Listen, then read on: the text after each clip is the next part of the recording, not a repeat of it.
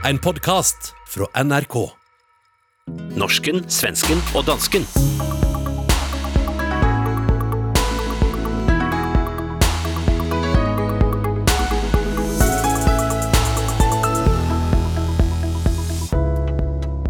Svartkledde menn brenner dukker, Mette Fredriksen i Københavns gater.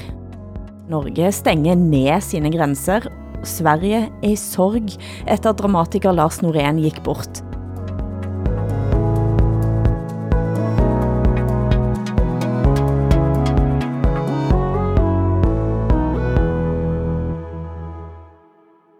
Velkommen til ukens skandinaviska skandinaviske familieterapi, det är mörka tider också.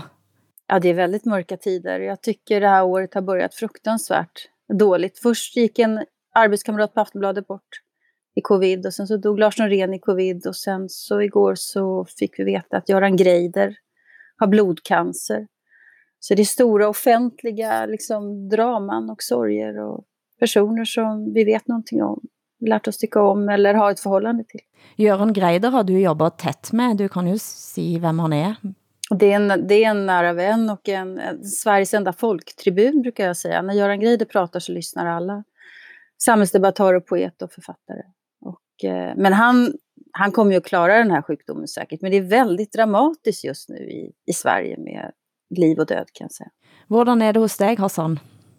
Altså, jeg må indrømme, jeg var, øh, altså, jeg var ret påvirket over, at, at Lars Norén gik bort. Det, altså, ja, mere end jeg egentlig havde ventet. Øhm, og så har jeg selvfølgelig tænkt over, hvorfor det var sådan, fordi jeg har ikke studeret ham, som jeg har studeret andre dramatikere. Altså, jeg, er jo, jeg arbejder jo selv som dramatiker. Jeg har set nogle af hans stykker, men aldrig rigtig læst noget af ham. Jeg har øh, hørt ham i interviews og sådan. Og, og for mig er det noget med, at han, øhm, altså, og jeg, jeg, måske er jeg bare blevet gammel og, og, og romantisk i forhold til fortiden, men han repræsenterer for mig på en eller anden måde øh, sådan en, en gammel garde af kunstnere, som gjorde en dyd ud af at være uafhængige. Øh, og, øh, og det kræver et ekstremt stort mod øh, at være det.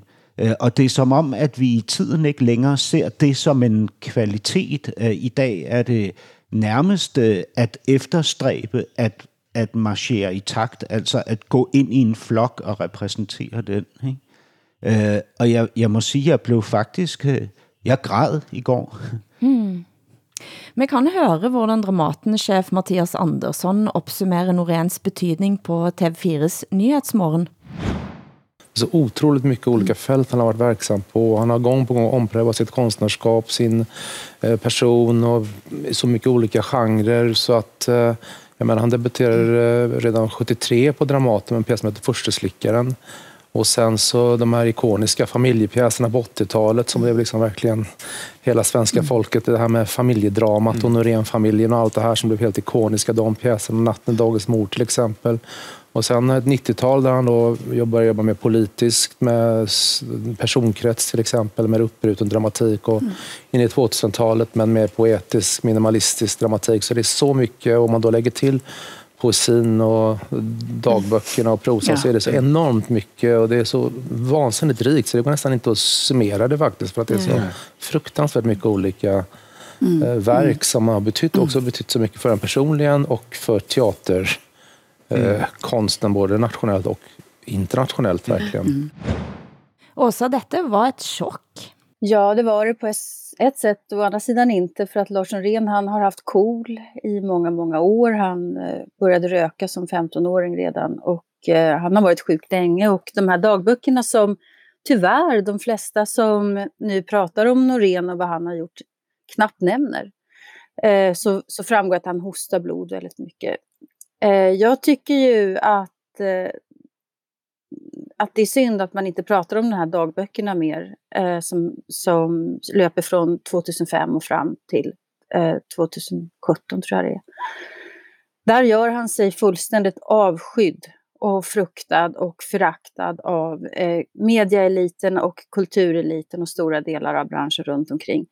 Därför att han är elak, han är låg, han är tarvlig, han är osmaklig, han är inte någons clown eller någons tjänare. Och han säger allt det där som jag tror att väldigt många av oss andra skulle vilja säga. Det sätter han ner på papper och det är ju oerhört provocerande. Och jag har ju själv hittat mitt namn flera gånger i de där dagböckerna. Ibland är han arg på mig och ibland så, så smickrar han mig och sockrar så att det liknar ingenting. Men det är ändå obehagligt att se sitt namn. Så det är många som är förbannade. Men jag tycker ju att de där dagböckerna måste komma in i när man pratar om hans produktion. För det är faktiskt världslitteratur skulle jag säga, det han har gjort. Där han låter oss titta in i sitt eget huvud. Det är så lyxigt att få göra det, hans känsloliv. Och de här aggressionerna som man har mot sin samtid och mot kultureliten, medieliten. Eh, samtidigt så finns där den bärande tråden i kärleken till ett barn som växer upp, som är den vackraste berättelse jag någonsin har läst mellan pappa och en dotter eller en förälder och ett barn. Och på vilken måte, vad är det som gör det så starkt? Ja, det som gör det så starkt är att han äger språket, Lars Norén, och att han, att han verkligen inte värjer för att undersöka både sin samtid och sig själv. Han är fullständigt skoningslös. Samtidigt så kan man säga, ja visst är han modig, jag håller ju med Hassan om det. det är, alltså man, man hissnar när man ser hur modig han är när han skriver. Å andra sidan, det är en av världens främsta dramatiker. Han har råd att vara modig. Han kan vara modig på ett sätt som de flesta inte kan vara, för att han har redan sitt namn färdigt. Så att säga. Mm. Men vad var det som gjorde att han kunde få den positionen, tror du? Ja, det är en extremt bra dramatiker. Han spelas precis överallt. Eh, och han var också från början en oerhört fin poet. Och när han började skriva dramatik så tänkte alla litteraturkritiker, åh nej, ska han lämna poesi nu, han som är en så makalös poet? Och så blev han en av världens bästa dramatiker. Kom tillbaka till poesin har han gjort. Men han håller på med människor, han, eh, han är realist. Så att för honom betyder ord någonting, verkligheten betyder någonting och det här ska undersökas. Människor är på riktigt. Uh, och det är stenhårt, är det. Hassan, vad var det som gjorde att det träffade dig så hårt? Ja, men, men det, det, altså det forbinder sig meget direkte til det, jeg øh, nævnte lige før, altså med, med Lars Norens, øh, som handler om Lars Norens øh, uafhængighed, ikke? integriteten, den kunstneriske og personlige integritet.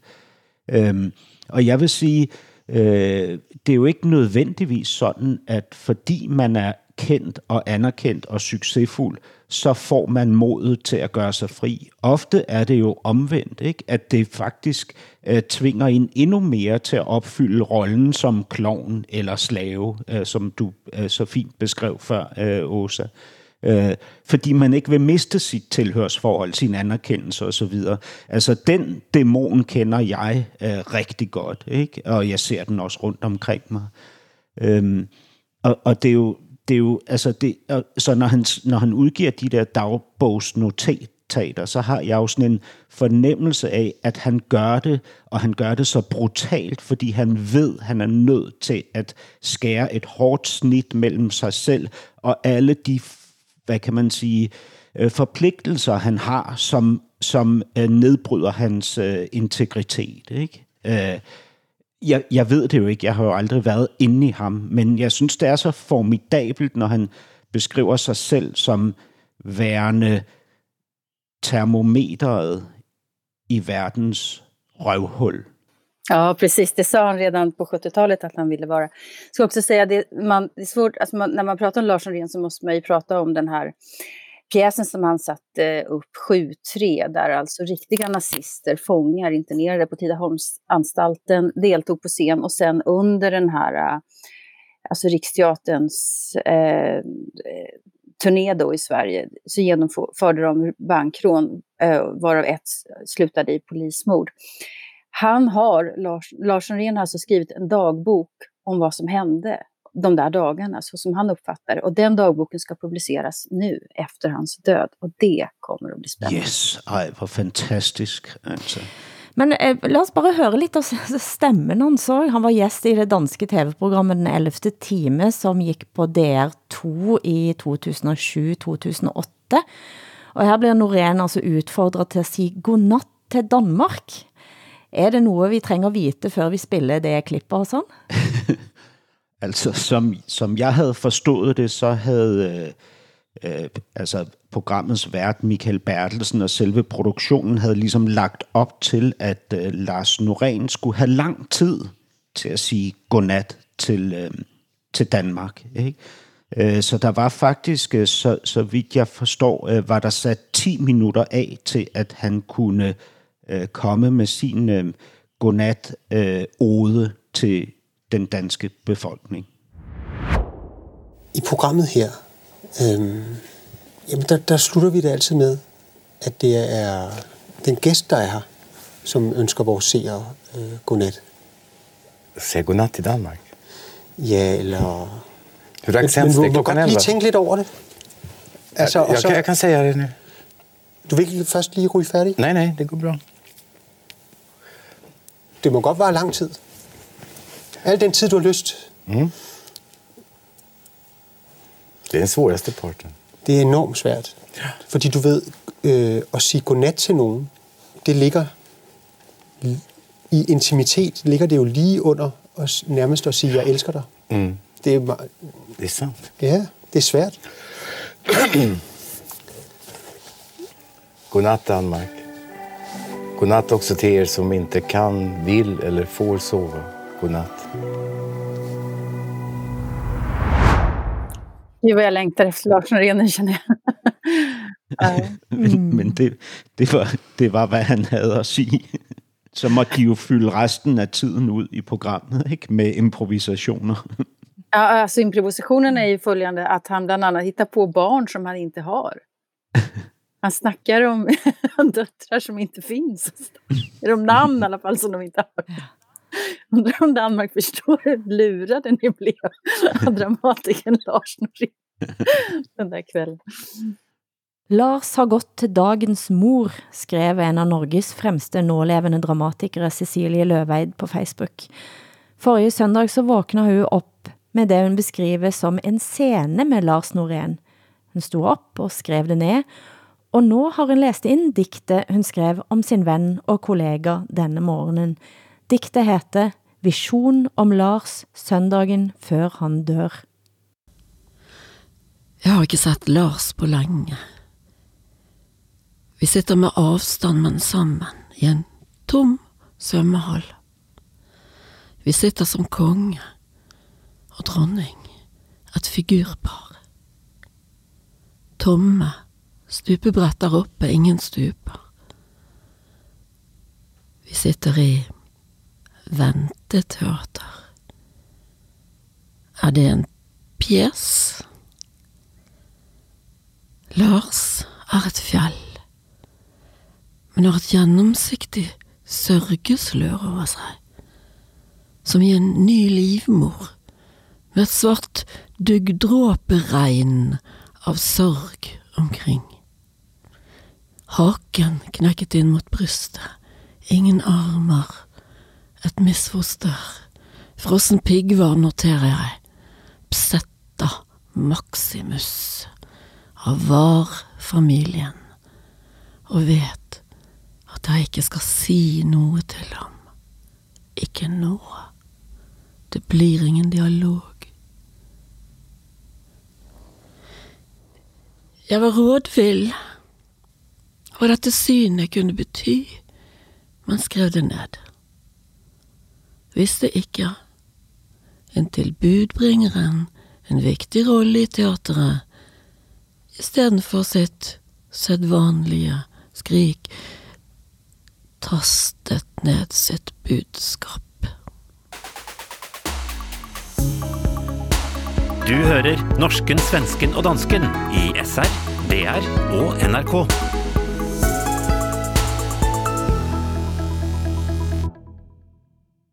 Og hvad har skjedd i den såkaldte Minkgate, Hassan?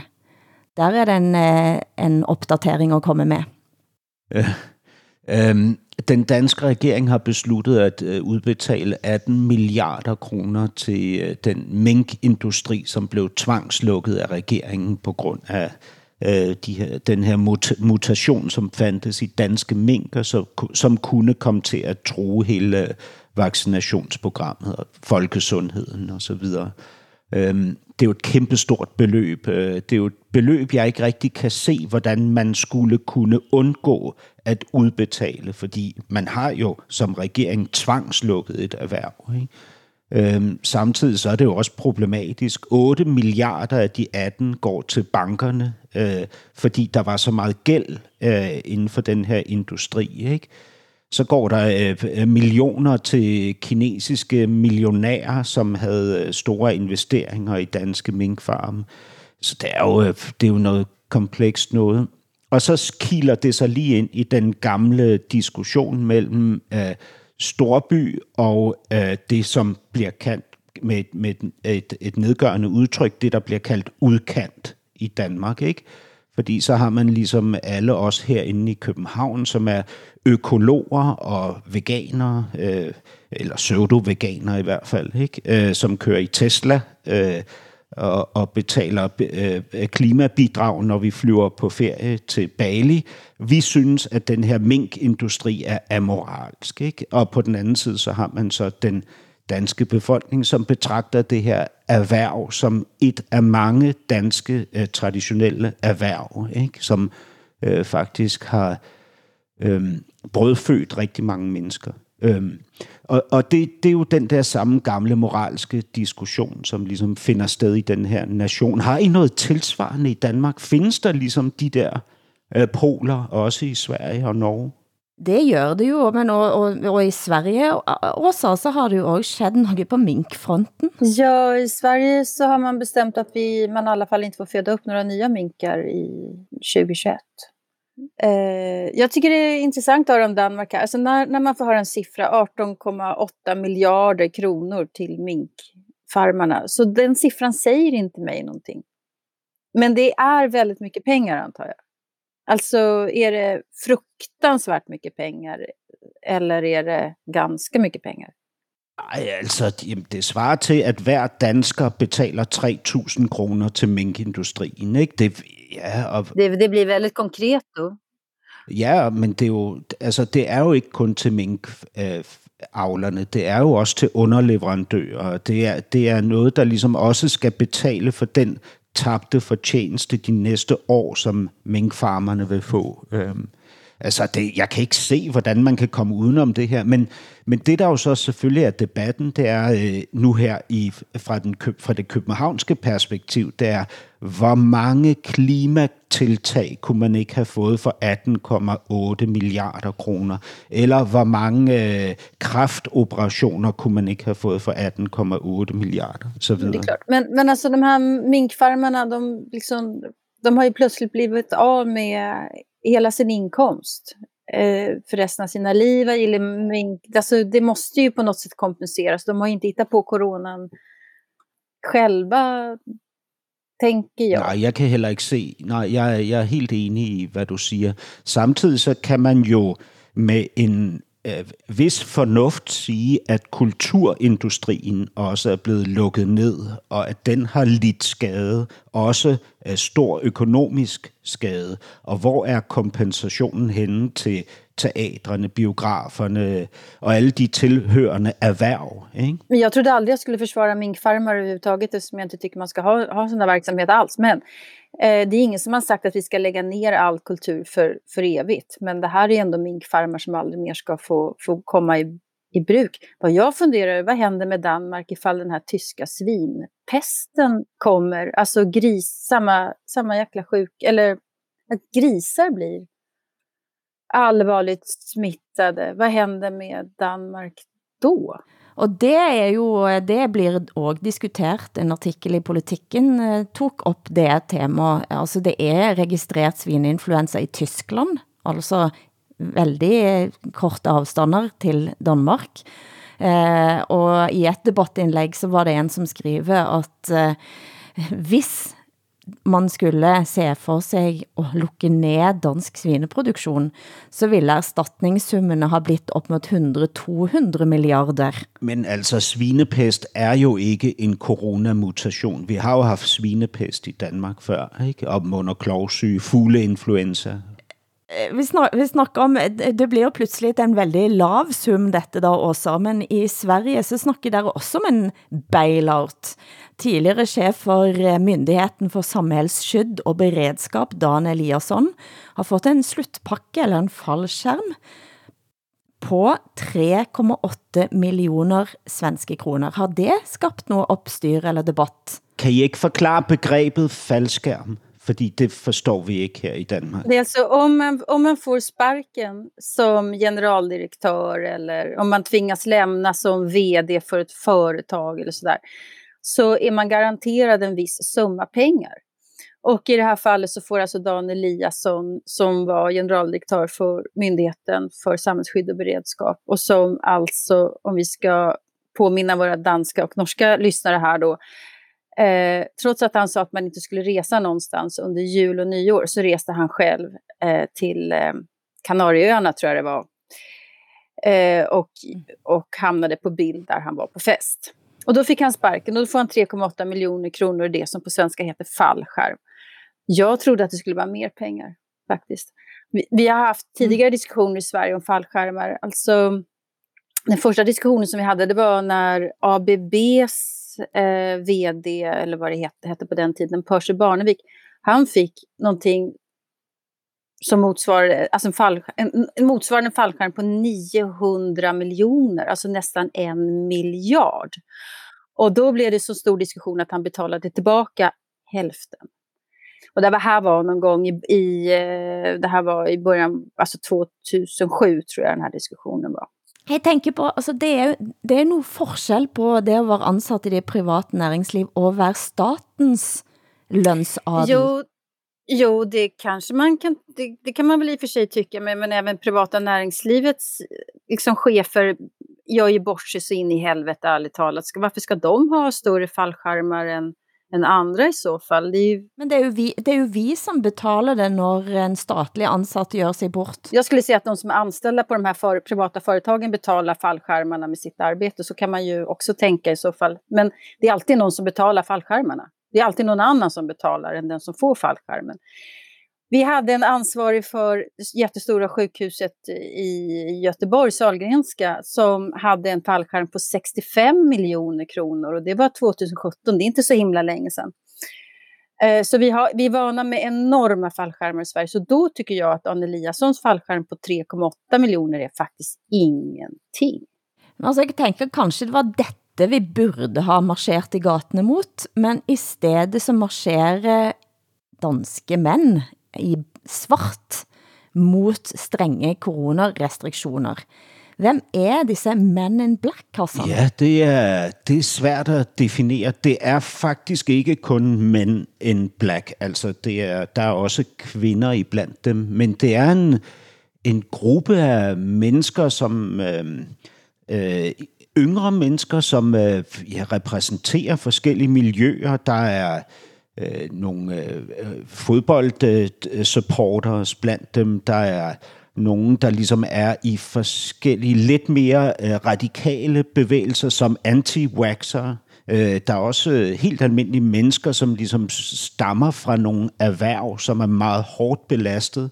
Øh, og så er en af en af øh, talsmændene øh, for, for Men in Black er rapperen Ali Sufi, som øh, som jeg kendte mm. i min fortid, altså som en rapper med en, ja, hvad kan man sige, en politisk agenda, som bredte ud i mange retninger. Han udtaler sig nu på vegne af den her øh, bevægelse. Ikke? Og det mest opsigtsvækkende, de har gjort, er jo at brænde en dukke af Mette Frederiksen.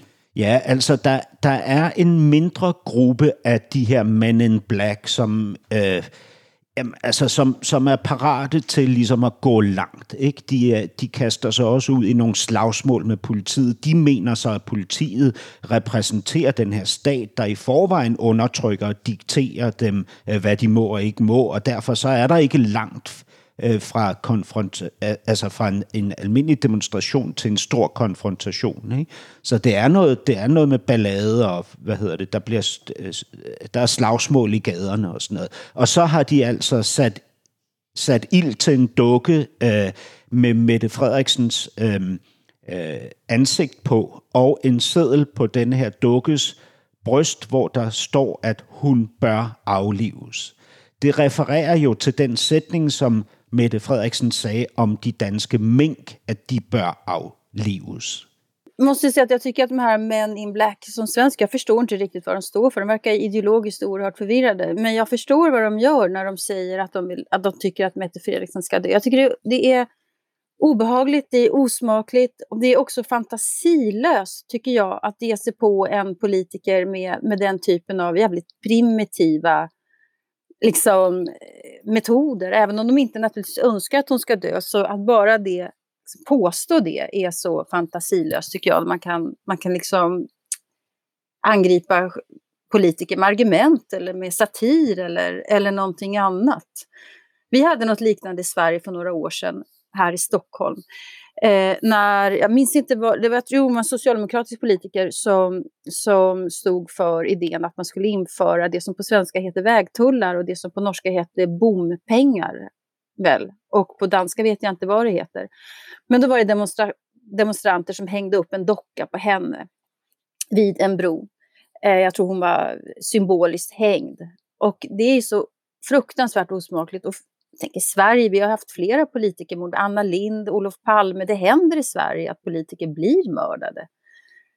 Jag förstår liksom inte hur man kan vara så sopig att man inte kommer på ett bättre sätt liksom, att försöka komma åt en politiker.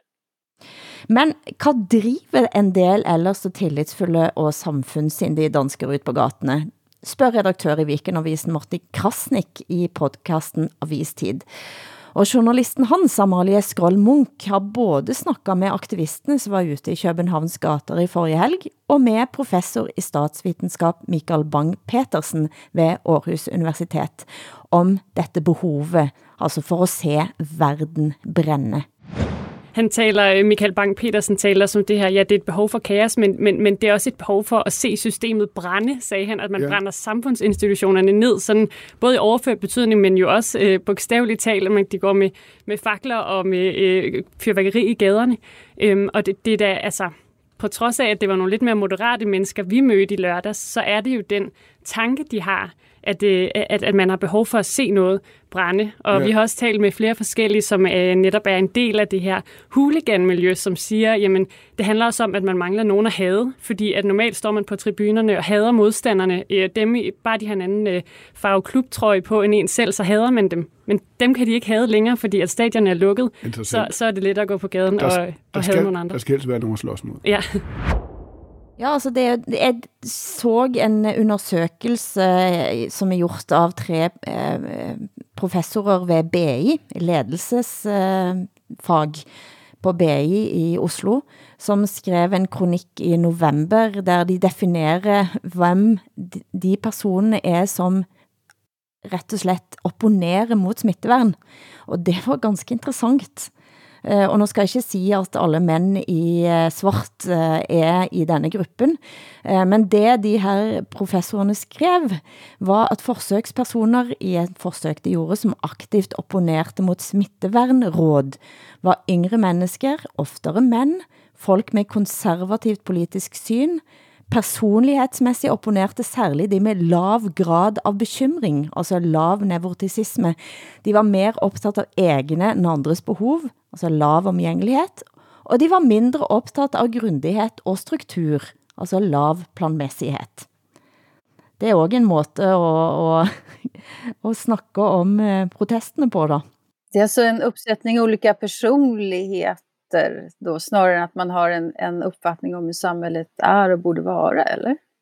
Det går inte att förhålla sig till det här på, på allvar. Det är ett enda stort joke.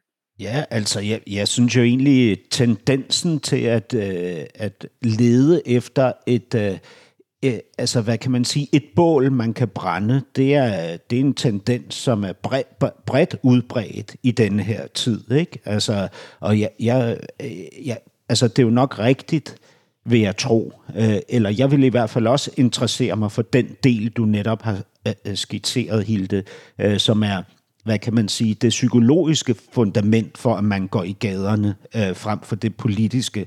Jeg synes, det er mere interessant, ikke? fordi jeg, jeg synes, jeg ser det rigtig mange steder. Jeg synes, voldsomheden, hvor med øh, man ligesom går til hinanden på i den her tid, er, er intens. Ikke? Så, så det her er, för for mig ikke et forsøg på at relativisere eller bortforklare noget, men, men ligesom at, at læne det mere op af det, vi alle sammen er en del af, frem for at adskille det fra det og pege fingre af det. Ikke?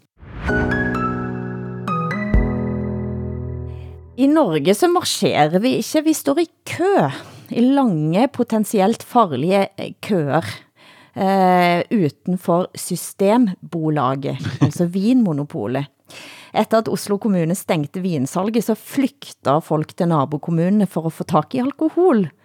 Och det som var intressant då var att min Facebook-feed, och jag tror väldigt mångas Facebook-feeder, var alltså fullt upp av rasande folk. Eh, Christer Falk, Norges första vinnare av Expedition Robinson, tog bilder av en polkö och skrev jeg tror det som gør mig aller flauest er når jeg ser folk i polkøer, eller når en i polkø vinker og siger, hej, det er vand i springen. Og den enorme trangen til moralisering, som jeg så blandt mange de dagene, synes jeg er något väldigt typiskt norskt. då. Men ja, det måste jag säga. Eh, eller i alla fall i sådana här frågor. Men måste, vi måste göra klart för både danska och svenska lyssnare.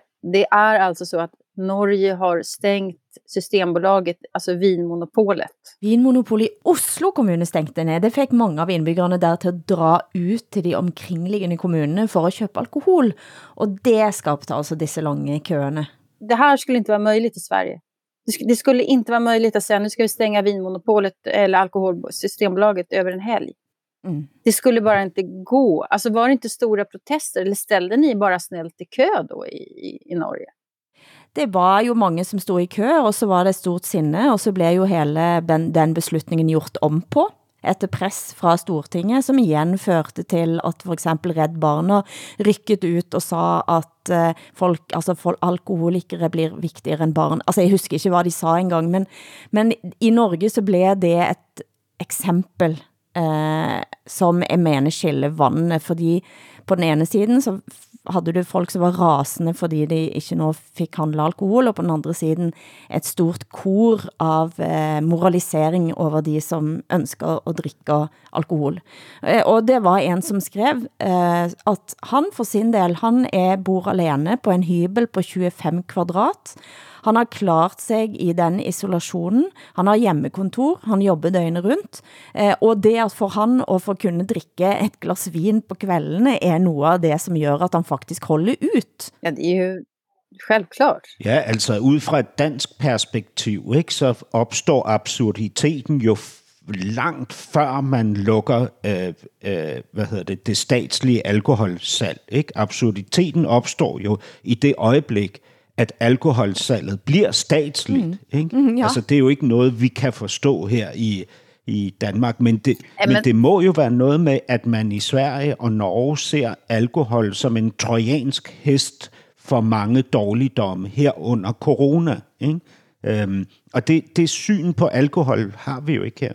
Alltså vi, jag skulle kunna sitta i ett helt avsnitt bara av vår podd och försvara att varför det är så bra att vi har statliga eh, utskänkningstillstånd eller alkohol i både Norge och, och Sverige. Det vill du försvara?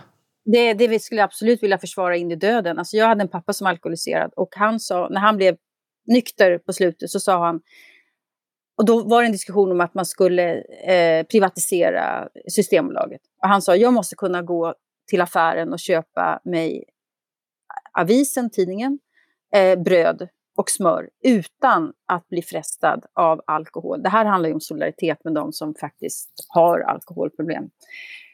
Men jag kan inte förstå hur ni i Norge bara kan stänga vinmonopolet på det där sättet. Det skulle inte gå i Sverige. Det skulle bli enorma protester. Mm. Så det är ganska intressant att ni ändå är så fogliga i Norge. skulle jag säga. Ja, och det är ju det författare Aslak Nore, han hade ett tankeexperiment på tryck i VG nylig. En tänkt post-corona-fremtid där Norge alltså hade ledat an i det som vill bli kallt den nya förbudstiden utöver på 20-talet. För Aslak Nore menar ju att det passar oss ju så gott att vi kan leda an i denna, i, i denna tiden.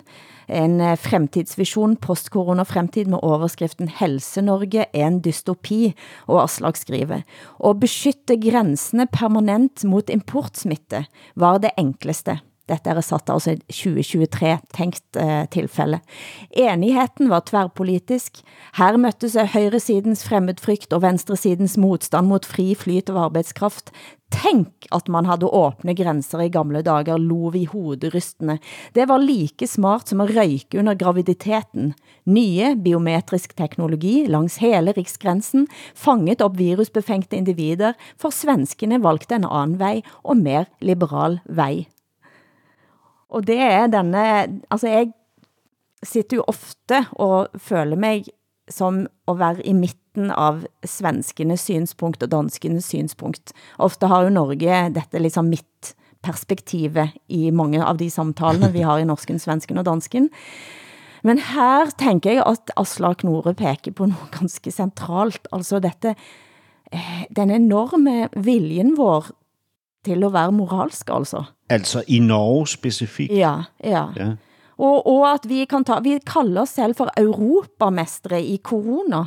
Altså, eh, der, er, der er noget sådan, det ligger så, det ligger så let for os at gripe til forbud. Eh, det ligger så let for os at, at, at piske os selv på plads. Det är jätteintressant. Men varför, varför är ni sådana då, i Norge? Åh, nej, men altså, hvis du, hvis du skriver frem den norske historien, så ligger, så ligger jo selvfølgelig pietismen langt fremme. Altså Norge, den kombinationen av uh, avholdsbevægelse, mot, altså avholdsbevægelse, lekmannskristendom, mm. har spilt en veldig stor rolle for at, at, at, at få frem også det norske byråkratiet, sant? Mm. Uh, og jeg tror det er noget af det Aslak Nore peker på i, i denne ganske morsomme og dystopiske teksten, som han havde på tryk. Ja, altså alene det, at du kan sige ordet afholdsmand og, eller afholdsbevægelse, uden at vi griner, ikke? det er jo... Øh, Utan at vi skrattar, ja. ja, det, det findes jo ikke i Danmark. Øh, altså, hvis du stillede dig op og sagde, jeg er afholdsmand, ikke? så vil... Altså, Fast i Sverige så är ju nykterhetsrörelsen en av de främsta liksom, rörelserna som vi har haft för att bygga ett, ett uh, välfärdssamhälle. Så den är ju stor i Sverige också, men vi har ju ett annat förhållande till alkohol eh, och vi är inte lika kristna i Sverige som ni är i Norge heller. Alls. Jeg, jeg tror, i Danmark, der betragter vi alkohol som værende på niveau med mælk. ja, det tror jag också. det gör ni nu. Men jeg tror gen gennemsnitsalderen i Danmark går ned. Er du klar over det, Hassan? Det har vi jo snakket om før. At gennemsnitsalderen går ned? Ja. Men altså, prøv at høre, hvis man skal sidde, uh, hvad hedder det, i en, uh, i en isoleret hytte uh, og moralisere og være europamester i de mest kedelige ting, man overhovedet kan være det ja. i. Ikke? Hvorfor skal man så leve så længe? Du hører norsken, svensken og dansken. Programmet blir sendt i Danmarks Radio, Sveriges Radio og Norsk Rikskringkasting.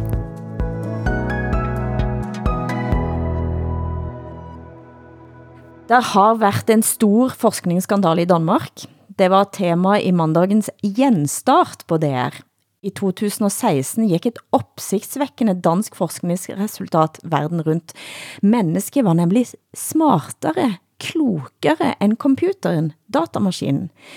Artikkelen fra forskere ved Århus Universitet ble publisert i pre prestisjetunge Nature. Forskerne fikk millioner av forskningskroner kastet efter sig.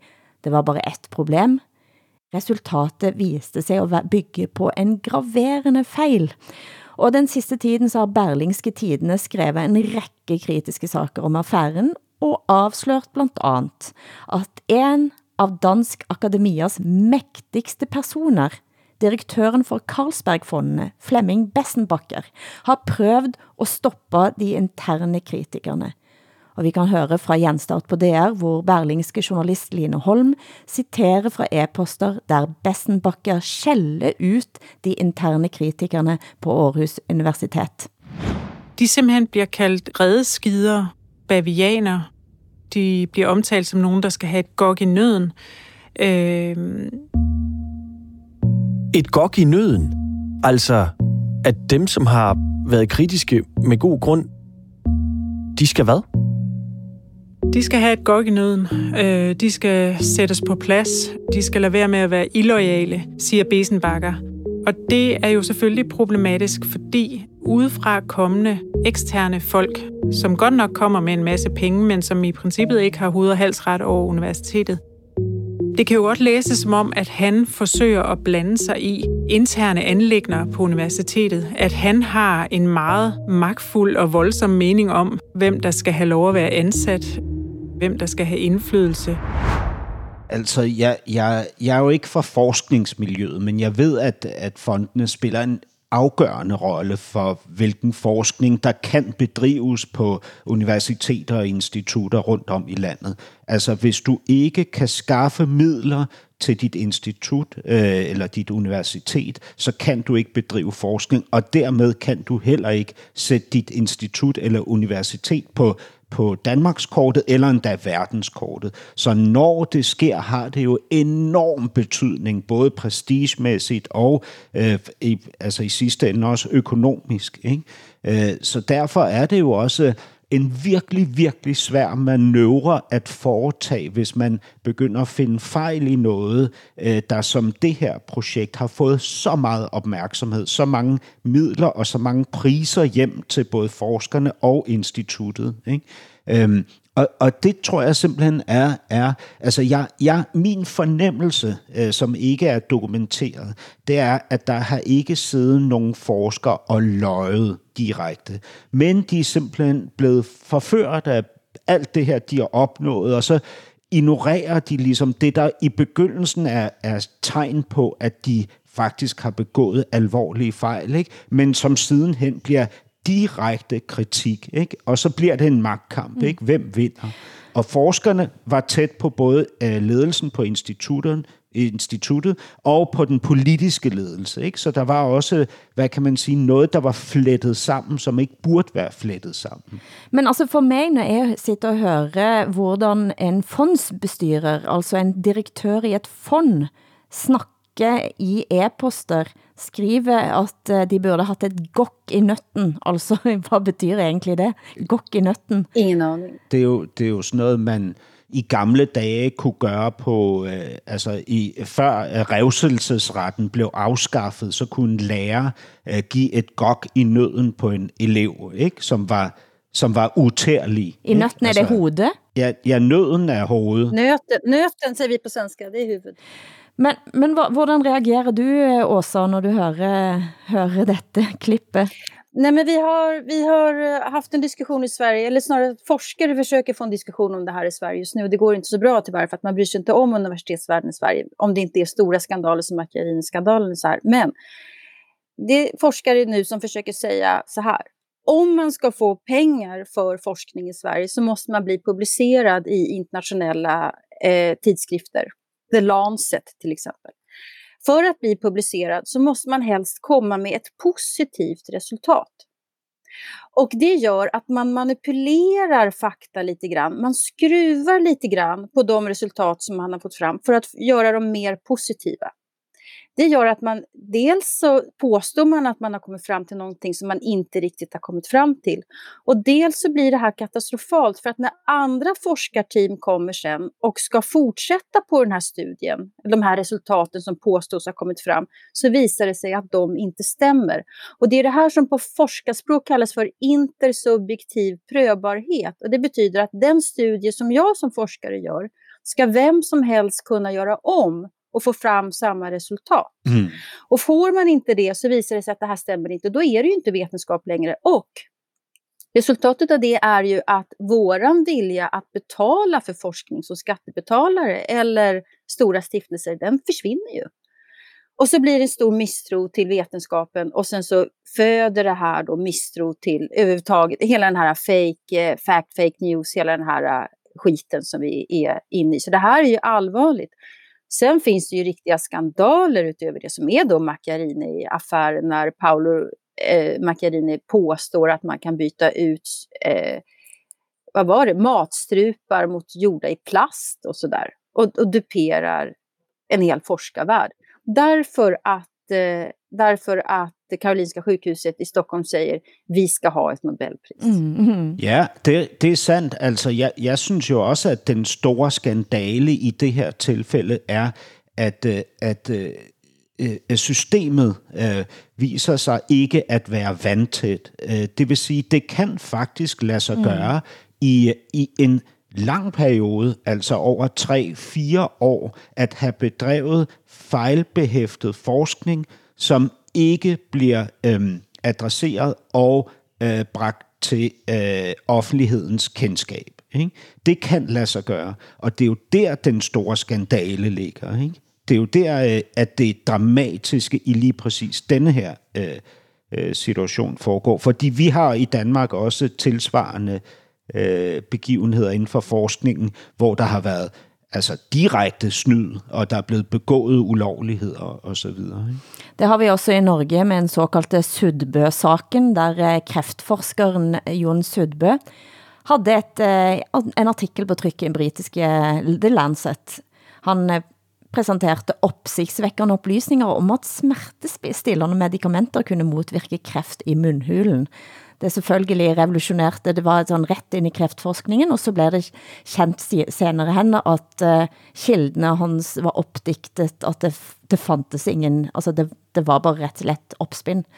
Uh, men den begrebet fake science, tænker jeg er ganske interessant nå at gå ind i diskussionene rundt eh, uh, vaccine og vaccinemotstand. Sant? Altså det blir, det blir produceret enormt mye materiale nå som presumptivt er vitenskap.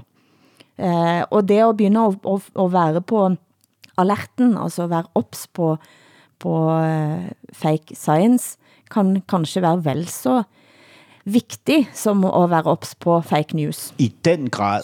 Alltså, ja, undskyld Åsa. I Sverige så alla vaccinmotståndare, de antingen så stämplas de som analfabeter, att de inte vet någonting.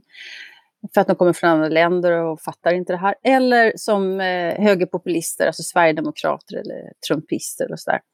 Och jag känner mig lite dum här, men eh, jag längtar inte efter att ta den där sprutan. För att jag tänker, man har tagit fram det här vaccinet jättesnabbt. Mm. Eh, hur ska jag verkligen kunna veta att det inte blir några biverkningar? Och när det rapporteras in biverkningar som ansiktsförlamning så säger de så här, men vi kan inte veta om det har att göra med vaccinet. Eller så här. Jag tänker så här, nu när jag säger det här så sitter alla lyssnare och tänker, hon har en foliehatt på huvudet, hon är en komplett jävla idiot, hon är, hon är eh, forskningsmotståndare, det är jag inte alls. Hela min familj, de skriker av smärta när jag säger att nej, jag vill, jag vill ta den där sprutan sist i hela världen för att jag vet inte vad den innehåller. Men jag tänker, är jag verkligen helt ensam om att tycka att det är lite läskigt? Att man har tagit fram det här vaccinet så fort? Är jag en komplett idiot om jag tänker så? Altså, det er jo veldig mange som tænker sådan. Jeg for min del tænker, jeg skal ta den så fort som jeg bare kan. Ja, sådan har jeg det også. Men, uh, men altså, jeg er kommet så langt bak i den køen. I Norge så tar det jo en vinter og vår for at få rullet ut i vaccinene. Så jeg kommer jo til at havne langt, langt bak i køen. Men får jeg tilbud, så tar jeg den. Nå, men altså, grunden til, at man reagerer på det, som Åsa siger, ikke? Nej, men jeg er helt, helt ja, ret. Altså, grunden til, at vi reagerer på sådan noget som det, Åsa, som du siger lige nu, det er jo, at vi, øh, altså, øh, når man sætter et vaccineprogram i gang, så sætter man jo også en afhængighed i gang, ikke? fordi vi bliver pludselig mm. afhængige af hinanden. Ikke? Just det, vi bliver beroende af jer. Mm. Og det var jo det samme, der skete, da der opstod nogle falske fortællinger om den vaccine, vi giver øh, i, til børn i Danmark, som hedder MFR-vaccinen. Ikke? Der opstod nogle falske fortællinger om den, som blev viderebragt i medierne, og lige pludselig var der en stor del af den danske befolkning, som blev bange for den her øh, vaccine og nægtede at give den til deres børn. Og det blev problematisk, fordi børnene kunne faktisk rammes af nogle alvorlige sygdomme. Ikke? Mm. Jeg, altså, jeg mener jo uh, at folk som nægter at give sine barn messlingvaccine burde ha utreiseforbud. At de får faktisk ikke lov til at forlate landet. Uh, men nu har vi utreise- og indreiseforbud alle sammen, så det hjælper jo ikke længere. Men, så, men jeg mener det, jeg mener det väldigt seriöst. Mm. Alltså den typen av vaccin är jag ju naturligtvis för och har tagit själv och gett alla mina barn och så här, så det är, det är inte det. Men, men um, jag blir jättestressad när man tar fram ett vaccin så här snabbt. Men å andra sidan, vad vet jag? Jag har aldrig studerat medicin och här är ju alltså världens alla vetenskapsmän samlade och säger och kvinnor säger att uh, det, här, det här funkar. Mm. Så jag förstår du... inte varifrån min skepsis kommer kanske. Men uh, det är väl det att jag alltid måste tänka tvärtom. det kan vara både bra och dåligt för mig.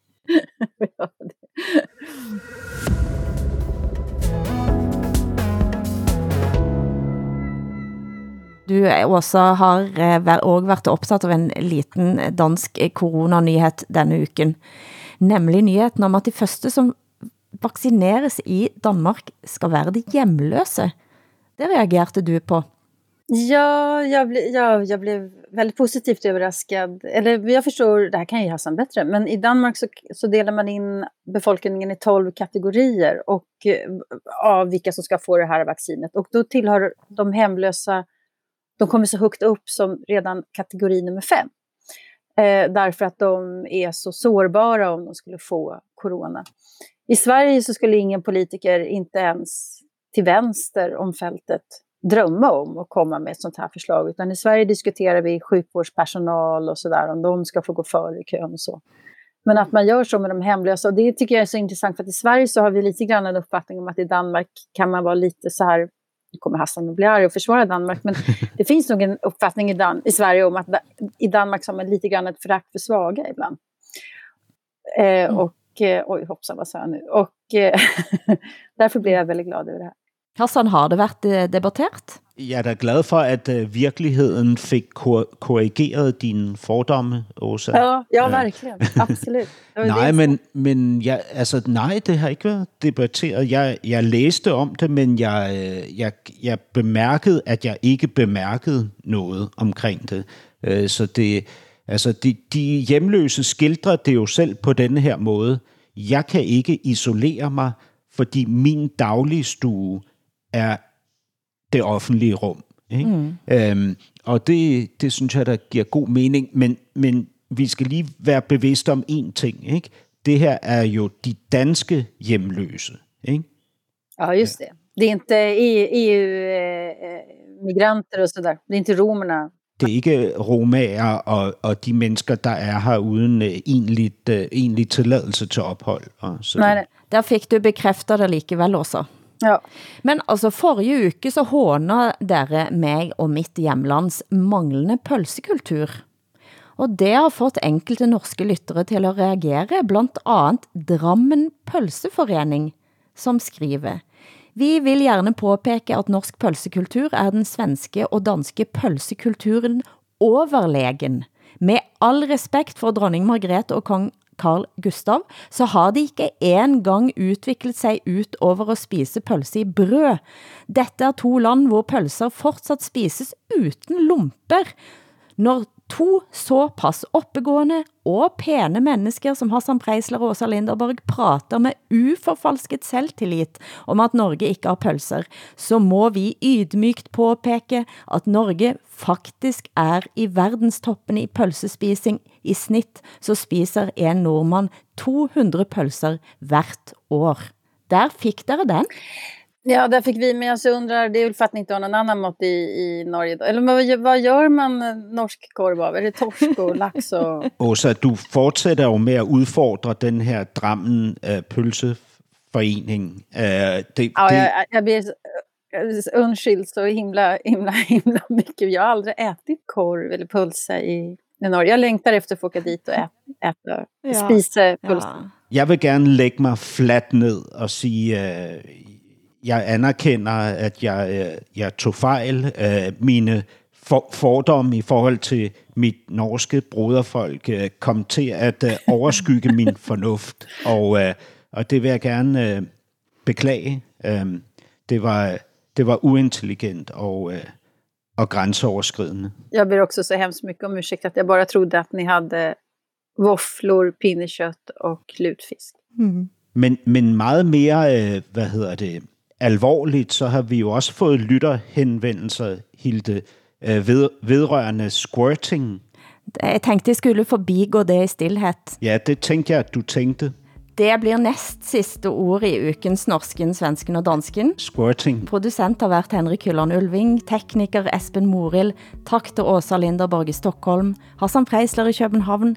Mitt navn er Hilde Sandvik. Jeg er født og opvokset i Norge. Tak for oss. Godnatt Danmark. Godnatt också till er som inte kan, vill eller får sova. Godnatt.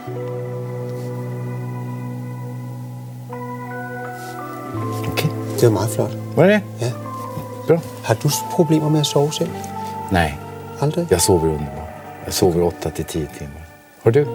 Aldrig? N- når vi laver det her program, så nogle gange så har jeg meget adrenalin. Det förstår jag. ikke- Det förstår jag.